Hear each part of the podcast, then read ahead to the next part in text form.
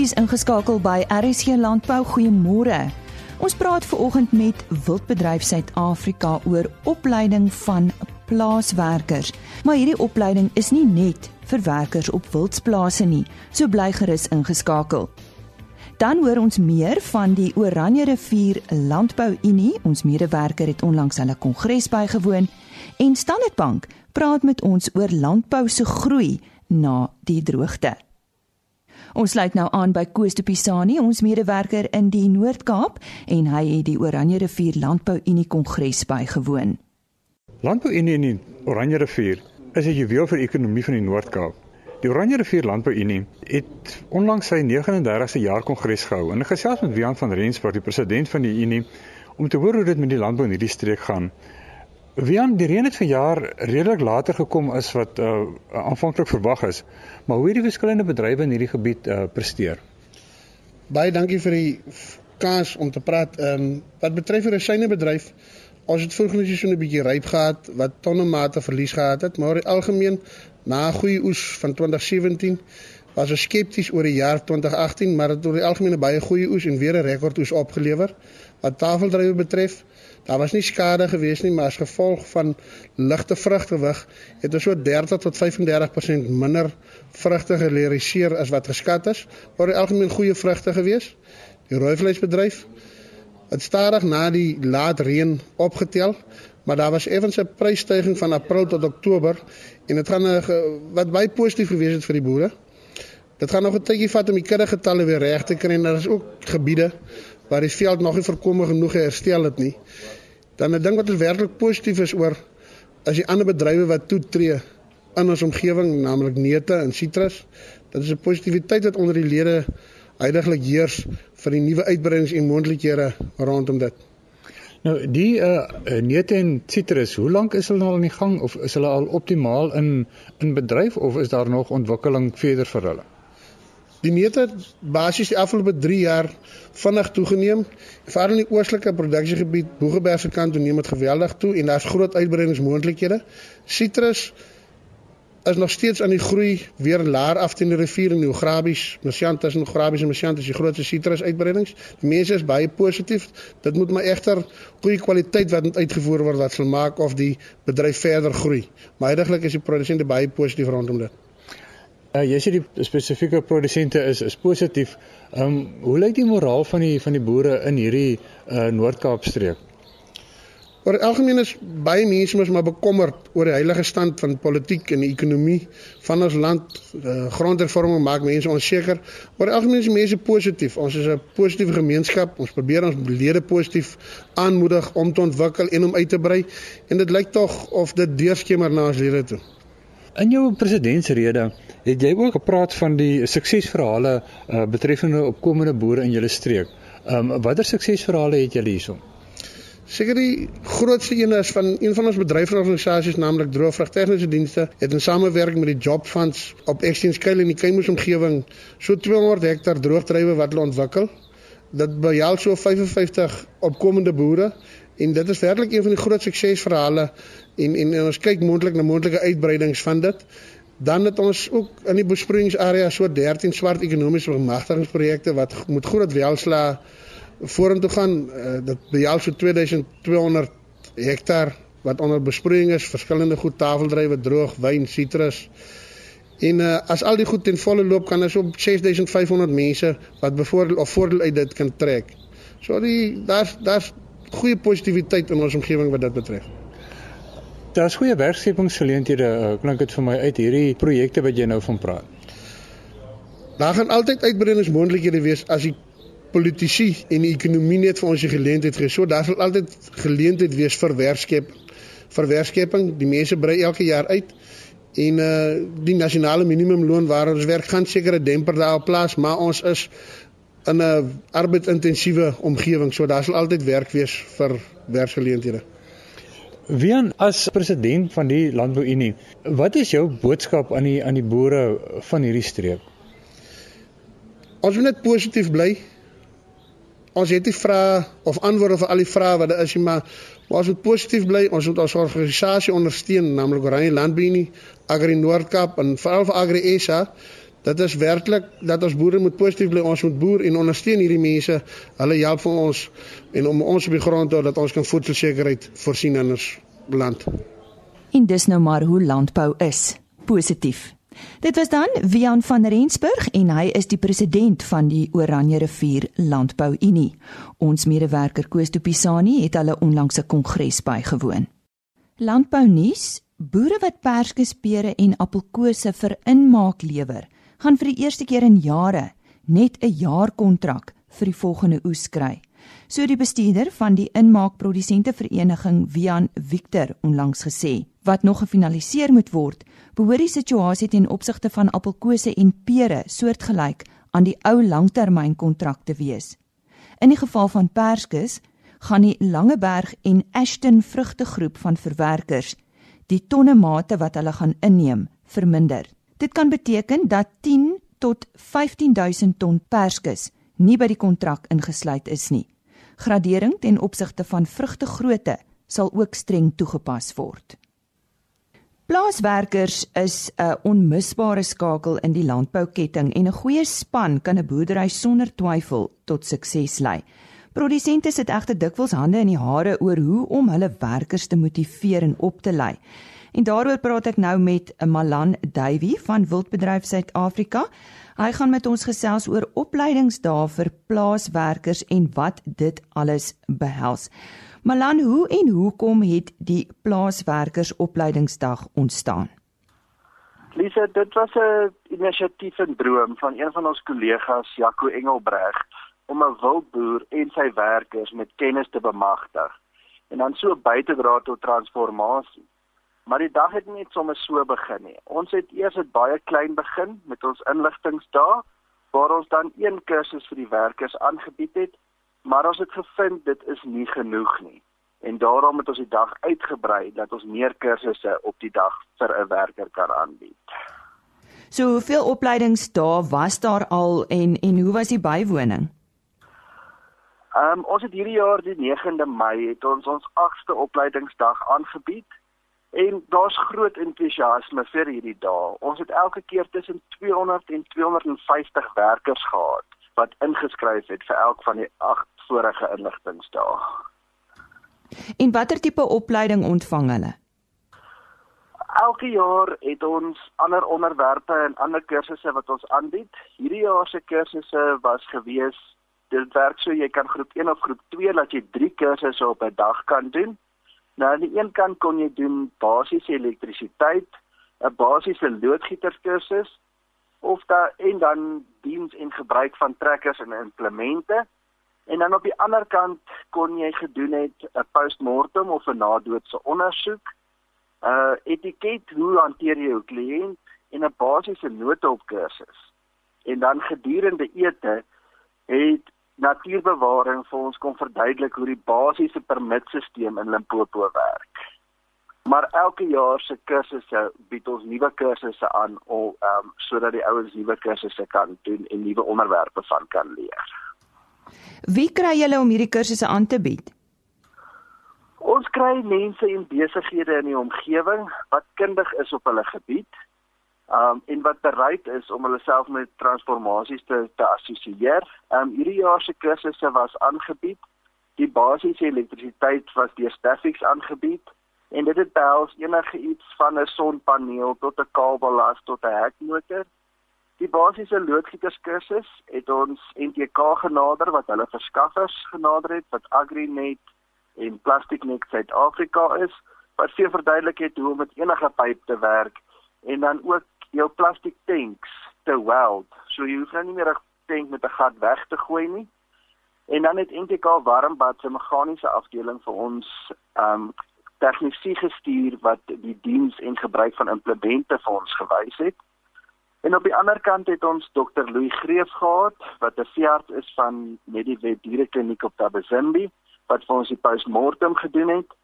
En dan het Bosveld Jagtersvereniging wat 'n assosiasie is van Chaza vir ons etiket hoe om jou kliënt te hanteer en dan ook 'n basiese noodhulpkursus aangebied wat dan is van 'n slangbyt tot 'n uh, skorpioen byt tot 'n beenbreek, al daai tipe van goed hoe om 'n noodsituasie noodsituasie in die veld te hanteer. Julle het nou seker al 'n redelike uh, opname gedoen en kan vir ons sê watse tipe vaardighede kort by plaaswerkers in die algemeen. Ja, ek dink dit is waaroor ons die dag begin aanbied het. Ons het verskillende aspekte in die boerdery geïdentifiseer wat ons gevoel het dat ouens verdere inligting of opleiding nodig het. En dis waar dit lekker is wat ons die kursusse so aanbied dat dit geskoolde en ongeskoolde werkers is wat die kursusse kan aanbied, kan bywoon. Ehm um, nou die kursusse wat ons al die verlede wat ons agtergekom het waar daar tekort is, was goed soos trofeeslag, horing meet, spoorsny, onderhoud op masjiene soos kettingsaag, um onderhoud op voertuigwiele, hoe om pap bande reg te maak, om jou wheel bearings te check op jou voertuig en op jou trailers. Um draadspan was vir ons 'n groot ding en dan ook plaasveiligheid. Jou werkers jou help kyk aan sekere tekens en dinge wat in die omgewing is. Um brandbestryding, um die korrekte en veilige gebruik van chemikalieë vir bosbeheer. So dis alles aspekte wat ons geïdentifiseer het op die plaas. Ehm um, waar mens dan 'n klem op kon lê om die ouens beter op te lei om dit makliker en vinniger te kan doen. Malan, jy het nou gepraat oor plaaswerkers op wildsplase, maar ehm um, wie kan nou hierdie dag bywoon? Enige plaaswerker kan hierdie dag bywoon. Net die voordeel is as jy 'n WSA Wildbedryf Suid-Afrika lid is, dan kan jou plaaswerker die opleiding en die en die dag gratis kry. Maar as jy nou nie 'n lid is nie, gaan jy ongelukkig vir jou werker moet betaal om so 'n dag by te woon. Hoe word so 'n dag befonds, Malan? Ons was tot tot hede baie baie gelukkig met die borge wat ons gekry het. Dit is van persone en besighede in die omgewing veral wat of 'n donasie maak of 'n diens skenk waar hulle ook die kursusse dan vir ons gratis kan aanbied. So dit is deur goedgunstelike borge wat uh, wil assosieer met transformasie en ons hoop dat ons nog vele sulke mense en besighede sal kry wat betrokke sal raak by die dag. En hoe word opleidings gestruktureer wat die hoeveelheid prakties en teoreties betref?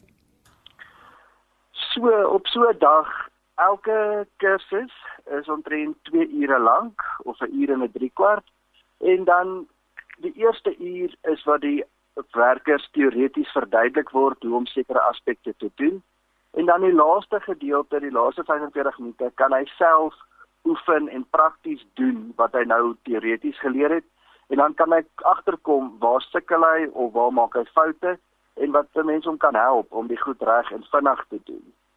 Um so die die groot ding gaan vir ons dit dit hoef nie 'n uh, ou te wees wat geskoold is nie dit is baie basiese kennis maar dit is prakties want baie keer sien mense iets en jy dink jy sal dit kan doen maar dit is nie noodwendig so nie en dan kan mens dit prakties oefen dat jy agterkom waar het jy dit tekortkominge Wat is die hoogtepunt van die dag en dit sien jy seker by die werkers of hoe Ja, nee, definitief die werkers. Ek dink op die einde van die dag wat hulle elkeen 'n sertifikaat ontvang, dat hulle die dag bygewoon het, waar hulle daai sertifikaat met selfvertroue en trots aanvaar.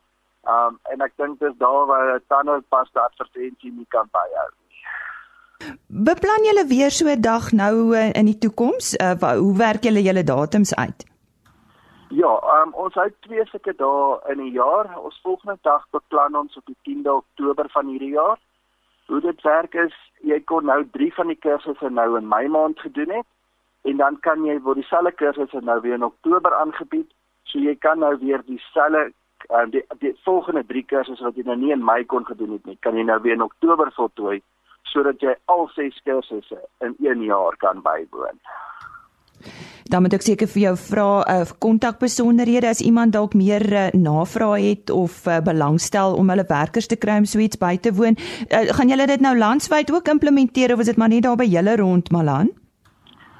Op hierdie stadium is dit 'n naboom bedryfskamer wat deel is van wat die bedryfskamer is van WRSA se inisiatief. So op hierdie stadium bied ons die dag aan, maar die beplanning is om dit landwyd te begin doen. So ek dink die beste is as mense uh WRSA se hoofkantoor kan kontak of jy kan op hulle um webtuiste gaan kyk wat www www.wrsa.co.za is.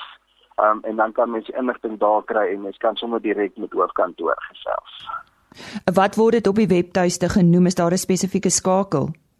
Daar's nie 'n spesifieke skakel nie. Ek dink jy kan maar net die telefoonnommer daar kry om dan te kan skakel of 'n e-posadres. Nou sê daarmee baie dankie aan Malan Duwy van 'n uh, wildbedryf Suid-Afrika en hy het met ons gepraat oor opleiding vir plaaswerkers en uh, ja, uh, kontak gerus vir wildbedryf Suid-Afrika indien jy belangstel. Landbou nuus: Volgens die nuutste syfers van die Suid-Afrikaanse Inkomste Diens, het meer Amerikaanse hoenderstukke aan die been as wat die betrokke kwota toelaat vanaf April verlede jaar tot Maart vanjaar die land sonder stortingstariewe binnegekom. Die kwota van 65000 ton is volgens Martinus Stander van die Suid-Afrikaanse Pluimvee Vereniging in 2015 tussen Suid-Afrika en Amerika beding. Volgens Stander het Suid-Afrika hierdeur ongeveer 43,7 miljoen rand verloor. Die effek van 'n droogte soos die van 2015 en 2016 word nie sommer net in een seisoen weer vergeet nie. Suid-Afrika se landbousektor het egter weer sy veerkragtigheid tentoongestel en uitstekende groei na hierdie vernietigende droogte getoon. Nico Groenewald van Standard Bank gesels nou juis met ons hieroor. Nico, ja, watter impak het hierdie droogte werklik op die landbousektor gehad? Uh Ek dink ek dink die droogte met 'n mens uh, dit is nie net 'n droogte gewees nie. Ek dink wat saam met daai droogte gegaan het was ook uh, ek dink 2014 as ek reg kan onthou was op 'n stadium die die die warmste jaar in in mense jeugennis en toe gaan ons in 2015 en toe word dit die warmste jaar. So saam met daai droogte het hierdie geweldige hoë temperature gegaan wat dit nog uh, soveel erger gemaak het. Nou as 'n mens nou daai droogte wat ons toe deurgegaan het uh, vergelyk jy weet uh, daai die vorige keer wat ons daai tipe van van oeste gerealiseer het was hier in die vroeë 90s uh um, as mens kyk na hierdie oes in Suid-Afrika gebruik ons normaal of of produseer ons normaalweg so in die omgewing van so 12 miljoen ton. In 2014 15 het dit afgegaan na net so onder die 10 miljoen ton toe en toe kom ons in uh, 2015 16 en die gaan toe af tot onder die 8 miljoen ton. So daai twee periodes en dit is nou op 'n nasionale vlak, jy weet ou kan nou die goed nou nog gaan afbreek na spesifieke uh, distrikte toe waar dit in party plekke slegter gegaan het as in ander plekke natuurlik nou weer beter. Maar daardie twee periodes na mekaar het, het het tot gevolg gehad dat dat uh, boere hulle reserves uh, aansienlik opgebruik het uh, ten einde kop bewater te hou en nou die en aardigheid of die die die, die ding en jy het dit genoem in jou inleiding wat nou gebeur is met met so iets is dat die dat die effek daarvan is noodwendig onmiddellik aanvoelbaar nie. Daar's gewoonlik so 'n bietjie van 'n tydperk wat die impak van so droogte dan nou eers homself uitspeel in in 'n uh, boer se finansiële toestand. Kon die bedryf sedertdien hiervan herstel? Ja ek dink ek dink wat 'n mens moet uh, in gedagte hou is uh, eerstens landbou is siklies. Uh die klimaat het bepaalde uh patrone en droogte is 'n integrale deel van uh die landbou siklus spesifiek dan nou in Suid-Afrika. Ehm um, so uh, oor hierdie tydperk het het ons uh produsente hulle self uh, baie baie goed van hulle taak gekwyt uh, in terme van van hoe hulle tegnologie aangewend het uh boerderypraktyke wat hulle aangewend het, die verandering van gewasse wat hulle gebruik het om hulle self deur hierdie moeilike tyd te kon kry. So uh ek dink uh jy weet in elke donker wolk is daar seker 'n silwer randjie en ek dink deur so droogte het die effektiwiteit van boere aansienlik toegeneem en daar's gefokus op sekere goed. Die uitdaging is natuurlik dat as ou nou daardie praktyke verfyn het, uh, laat 'n mens dit volhou selfs in die goeie jare. So wat het hierdie herstel gedryf? Is dit maar dit wat jy nou net van gepraat het? Kyk, ek dink uh die droogte, die herstel is maar eintlik deur niks anderster as moeder natuur uh self gedryf toe ons nou uh in 2017 het ons uh, reënval weer teruggekeer na normaal toe in 'n sekere gedeelte selfs bokant normaal en uh, uh ons het nou ook gesien dat uh net na die droogte het ons daar in in 2016 17 het ons toe opgeëindig met 'n uh, met 'n rekord mielieoes van om net so onder die 17 miljoen ton. Uh in die jaar daarna wat nou laas jaar was, toe ons weer so by die 13 miljoen ton. So uh en dit is maar op die teen die agtergrond van van verbeterde klimaatstoestande wat wat dit nou tot gevolg gehad het. Ek wil my verstout om te sê dat daar nog 'n gedeelte daarvan nog oorgespoel het as gevolg van die uh, tegnologie wat ek net nou van gepraat het en die boerderypraktyke wat wat wat boere genoop het om in moeilike omstandighede uh die die dit het dit het net aangehou uh, uh boere dit aangehou toepas so ek neem aan dat daar ook 'n gedeelte daarvan is wat uh um oorgedra is uh, om om hierdie herstel te dryf. Watter van die landboubedrywe is volgens jou nou nog wankelrig en en en wanneer kan hulle herstel verwag? Ek dink dit is 'n moeilike ding om te sê dat nou die dat die bedrywe net nou as gevolg van die droogte nog wankelrig uh, is uh, want intussen gebeur daar nou nog 'n klomp ander goed ook soos byvoorbeeld uh 'n um, uh, listeriose onder andere uh of een of ander uh armywurm uh, wat in in in werking tree wat 'n bepaalde uh, impak op die oes het. So daar is baie moeilik om net te gaan en sê dit is net as gevolg van die droogte, maar as 'n mens dan nou moet spesifiek kyk sou reken dat as gevolg van die droogte daai het het 'n klomp van die boere uh wat gemengde boerdery uh gehad het teen ander suiwer uh, suiwer uh, veeprodusente moes ongelukkig van hulle teelkuddes kleiner maak. En ek dink dit gaan nog 'n rukkie vat uh, vir daardie boere om hulle kuddes weer te kry op die vlakke wat hulle gehad het voor die droogte. Nou ja, mens moet daarom nou sê in die periode wat wat hulle nou aan hulle kuddes kleiner gemaak het, het die prys van van van uh, vleis uh, wel 'n uh, positiewe tendense getoon, maar dit gaan nog steeds die ouens rukkie vat om terug te keer na die aanvanklike kuddes wat hulle gehad het. Nou ja, daar's altyd darm gelukkig 'n positiewe kant. Watter geleenthede het dit in die bedryf geskep? Um, ek ek dink uh um hier kan ons gaan kyk byvoorbeeld uh na versekerings en en en en hoe dit aangewend is gedurende hierdie hierdie tydperk. Ehm um, dan ook uh, die die die die geleenthede om ander gewasse te plant. Ehm um, en dan die boere self gaan kyk na na na sogenaamde uh uh tools wat nou die Engelse woord kan gebruik oor hoe hulle hulle risiko's beter kan bestuur. En dit oor die algemeen sou 'n mens hulle sê ons altyd jy weet 'n goeie veiler word nie in 'n maksie ge, ge, gemaak nie. So in so 'n rowwe see uh, het die ouens spesifiek gaan uittrek en gaan kyk hoe kan hulle hulle risiko's beter bestuur. Ek sien nou die dag het een van van die produsente in een van die landbou uh, publikasies spesifiek geskryf oor hoe hy nou anders na uh, sy skuldvlakke kyk.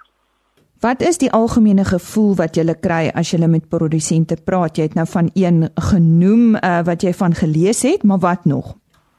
Ek dink in die algemeen uh, is dit is daar gemengde gevoel want mense kyk nie net nou na na die uh uh sentiment as gevolg van die weer of die klimaatomstandighede van selfspreekend hier in die somersaai gebiede is die sentiment rondom die klimaat uh, redelik positief uh met 'n minder mate van optimisme is daar nog in die Weskaap waar ons nou nog kyk hoe die die die klimaat homself gaan uitspeel oor die volgende paar maande. Uh maar dan is dan ook nog die aangeleentheid van van van die uh politieke en die onsekerheid wat sit rondom beleid wat wat 'n bepaalde rol kan speel. Maar ek moet vir jou sê met die produsente waarmee ons te doen kry, is die meeste van hulle positief. En en ek sien dit speel homself ook daarom nou uit in uh die landboubesigheidskamer se se uh um vertrouensindeks wat hulle wat hulle op 'n kwartaalbasis uh, meet. Uh, dat daar dat daardie vertrouensindeks is ook bo kan die kritiese 50 punte lyn. Ek dink dit hier by 58 gestaan in die eerste kwartaal net so bietjie teruggesak in die tweede kwartaal na so 54 toe. Maar dit is nog steeds nie bokant van daai van daai lyn met ander woorde die tendens is nog steeds positief. Jy het vroeër gepraat van die droogte in die Wes-Kaap. Watter impak voorspel jy gaan hierdie droogte op die bedryf hê op die ou en Taniko? Ek dink die die die uitdaging spesifiek in die Weskaap uh uh waar daar nou 'n uh, redelike groot persentasie van langtermyngewasse uh verbou word, uh is die impak potensieel oor 'n langer termyn wat homself gaan uitspeel.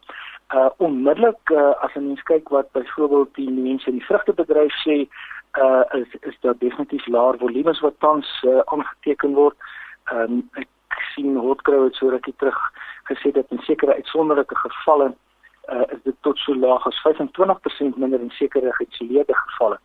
Uh 'n mens moet dan ook nog net 'n gedagte hou um, dat die droogte in so 'n bedryf waar daar nou van langtermyn uh, uh, gewasse is wat geplant is, is daar sogenaamde oordrag effek. Uh die die uh droogte, die stres wat die droogte veroorsaak ten opsigte van hoe die plante reageer en wanneer hulle blom en hoeveel hulle blom, die gaan 'n mens in in uh kan 'n impak hê later in in in in die jaar. En uh, dan moet mens ook natuurlik 'n gedagte, ek dink die die, die vrugte industrie alleen uh uh die uh het omtrent so 'n orde van 300 000 mense in diens. Uh en as daar nou dit, dit swakker gaan en daardie bedryf gaan dit van selfsprekend 'n impak hê op die werkers en die hoeveelheid werkers uh in in werkskepping en dit kan dan nou uh, verdere sosio-ekonomiese stres uh, tot gevolg hê. Nico, om jou af te sluit, wat dink jy is nou nodig in die bedryf vir 'n stabiele omgewing vir landbouproduksie? Weet jy, ek ek ek hou maar by die by die storie wat uh, ek ek uh, vir ons produsente uh, en vir ons kliënte uh, vertel. Uh, ek dink dit is daardie vermoë om deur die geraas te kan kyk en te kan fokus op die goed wat jy kan verander. Uh en dit is die goed wat daar op jou op plaasvlak van toepassing is. Dis dis die goed wat wat wat so nodig is uh vir 'n boer om op te fokus. Van selfsprekend as jy kyk na die wye prentjie, is dit baie belangrik dat ons so gou as moontlik in 'n stabiele beleidsomgewing inbeweeg waar sekerheid uh, uh ten opsigte van beleid ten minste daar is, maar dan goed soos pryse en die tipe van goed uh, is nie goed wat binne ons beheer is nie. Uh en daarvoor is dit juis nodig dat 'n ou jou boerdery sodanig beplan dat jy as daar geleenthede opkom dat jy daai daai geleenthede kan te, tot jou voordeel aanwend. Met daai uh, wyse raad sê ons baie dankie aan Nico Groenewald, hy's van Standard Bank en uh, ons gesels weer môreoggend met hom. Dan praat hy oor eh, 'n uh, landbou se bydrae tot die BBP. So onthou om dan weer in te skakel. Dis dan die einde van vandag se program. Dis môreoggend donderdag 28 Junie en ons vertrou dat jy weer by ons sal aansluit. Totsiens. RSC Landbou is 'n produksie van Plaas Media. Produksieregisseur Henny Maas. Aanbieding Lisa Roberts. En inhoudskoördineerder Jolandi Root.